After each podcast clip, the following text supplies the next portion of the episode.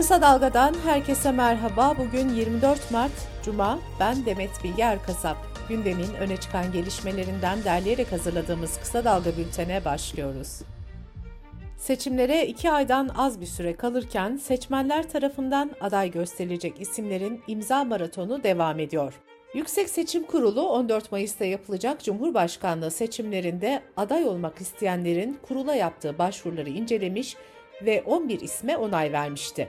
Bunun ardından da 100 bin imza toplama süreci başlamıştı.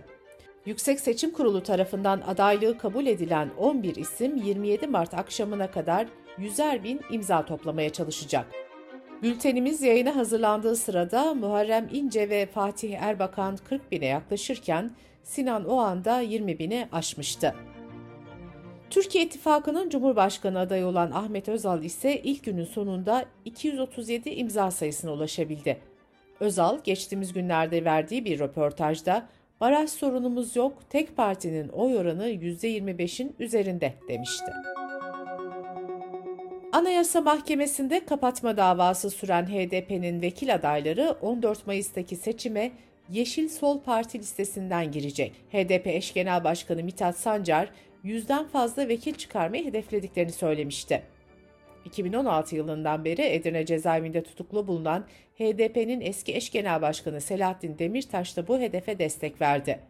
Bu arada HDP'nin de bileşenleri arasında olduğu Emek ve Özgürlük İttifakı'na Sol Parti'nin de katılması ve ittifakın isminin Emek, Özgürlük ve Sol İttifak olarak değişmesi de gündemde.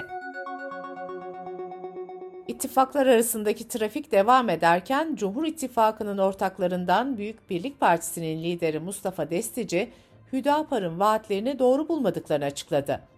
Hüdapar, Cumhurbaşkanı Erdoğan'ı destekleyeceğini duyurmuştu. CHP Mersin Milletvekili Ali Mahir Başarır, İyi Parti Kocaeli Milletvekili Lütfü Türkan ve Demokratik Bölgeler Partisi Diyarbakır Milletvekili Saliha Aydeniz'in dokunulmazlıklarının kaldırılmasına ilişkin Adalet Karma Komisyonu'nun raporunun görüşülmesi muhalefetin itirazı üzerine dün ertelendi. Maraş merkezli en az 50 bin kişinin yaşamını yitirdiği depremlerle ilgili açıklama yapan Cumhurbaşkanı Recep Tayyip Erdoğan, yıkılan binalarda sorumluluğu bulunduğu tespit edilen 312 şüpheli hakkında yakalama kararı çıkarıldığını söyledi. Erdoğan, bir yıl içinde 11 ilde toplamda 650 bin konut inşa edileceğini de belirtti. Anayasa Mahkemesi Yassıada'da Yap İşlet Devret modeliyle yapılan Demokrasi ve Özgürlükler Adası projesinde denetimleri devre dışı bırakan yasal düzenlemeyi 10 yıl sonra anayasaya aykırı bularak iptal etti. Kısa Dalga Bülten'de sırada ekonomi haberleri var. Merkez Bankası Para Politikası Kurulu faizi beklentilere paralel olarak %8,5'da sabit tuttu. Cumhurbaşkanı Erdoğan 14 Mayıs seçimleri yaklaşırken emekli maaşlarına 2 bin lira zam yapılacağını açıkladı. Erdoğan'ın açıklamasına göre en düşük emekli maaşı 7500 lira olacak. Türkiye İstatistik Kurumu işsizlik verilerini açıkladı. Buna göre işsiz sayısı 2022 yılında bir önceki yıla göre 337 bin kişi azalarak 3 milyon 582 bin kişi oldu. İşsizlik oranı da 1.6 puanlık azalışla %10.4 seviyesinde gerçekleşti. TÜİK ayrıca tüketici güven endeksi verilerini de açıkladı. TÜİK'in verilerine göre endeks Mart ayında bir önceki aya göre %29 oranında azaldı. Şubat ayında 82,5 olan endeks Mart ayında 80.1 oldu. Endeksin yüzden büyük olması tüketici güveninde iyimser durumu, yüzden küçük olması ise tüketici güveninde kötümser durumu gösteriyor. ABD Merkez Bankası Fed politika faizini 25 bas puan arttırarak %4.75 5 aralığına yükseltti. Yüksek enflasyonu frenlemekle ticari bankacılık sektöründeki çalkantılar arasında bir denge tutturmaya çalışan Fed'in kararı beklentilerle uyumlu oldu.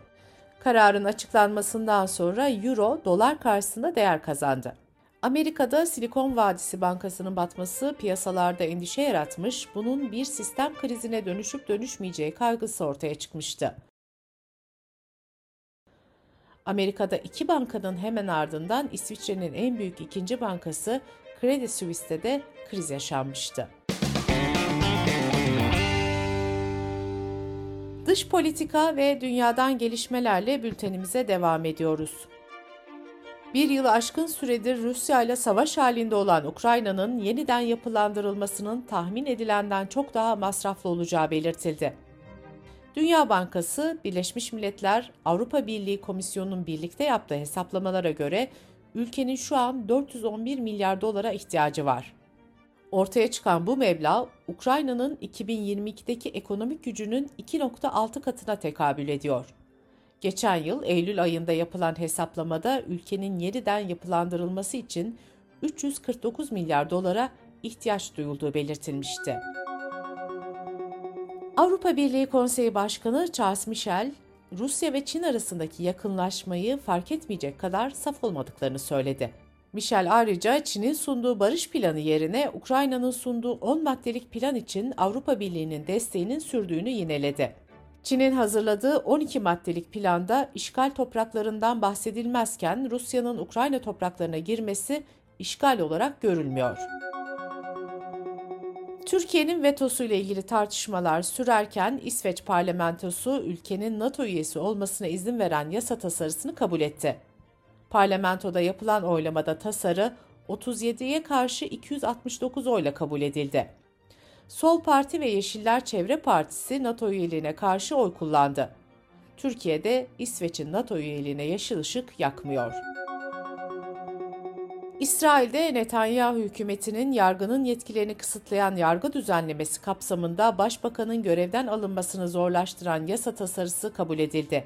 İsrail basınında yer alan haberlere göre mecliste yapılan 3. oylamada yasa tasarısı 47 red oyuna karşı 61 oyla meclisten geçti. İsrail'de tasarıyı protesto edenlerin eylemleri ise devam ediyor. Brezilya'da üst düzey politikacılara ve yetkililere suikast düzenlemeyi planladığı belirtilen bir suç örgütünün çökertildiği açıklandı. Suikastin hedefindeki kişiler arasında Brezilya Devlet Başkanı Lula da bulunuyor. Kanada nüfusu tarihinde ilk kez 1 milyondan fazla arttı. Ülke nüfusu 1 Ocak 2022'de 39 milyon 566 binken Ocak 2023'te 39 milyon 566 bine yükseldi. %2.7'lik nüfus artışı 1957'den bu yana kaydedilen en yüksek artış oldu. Bu arada nüfus artış oranı içindeki %96'lık kısmı ülkenin kabul ettiği göçmenler oluşturuyor. Kanada İstatistik Kurumu artışın bir nedeninin çalışan sıkıntısını gidermek için hükümetin göçmen alımına yönelmesi olduğunu açıkladı.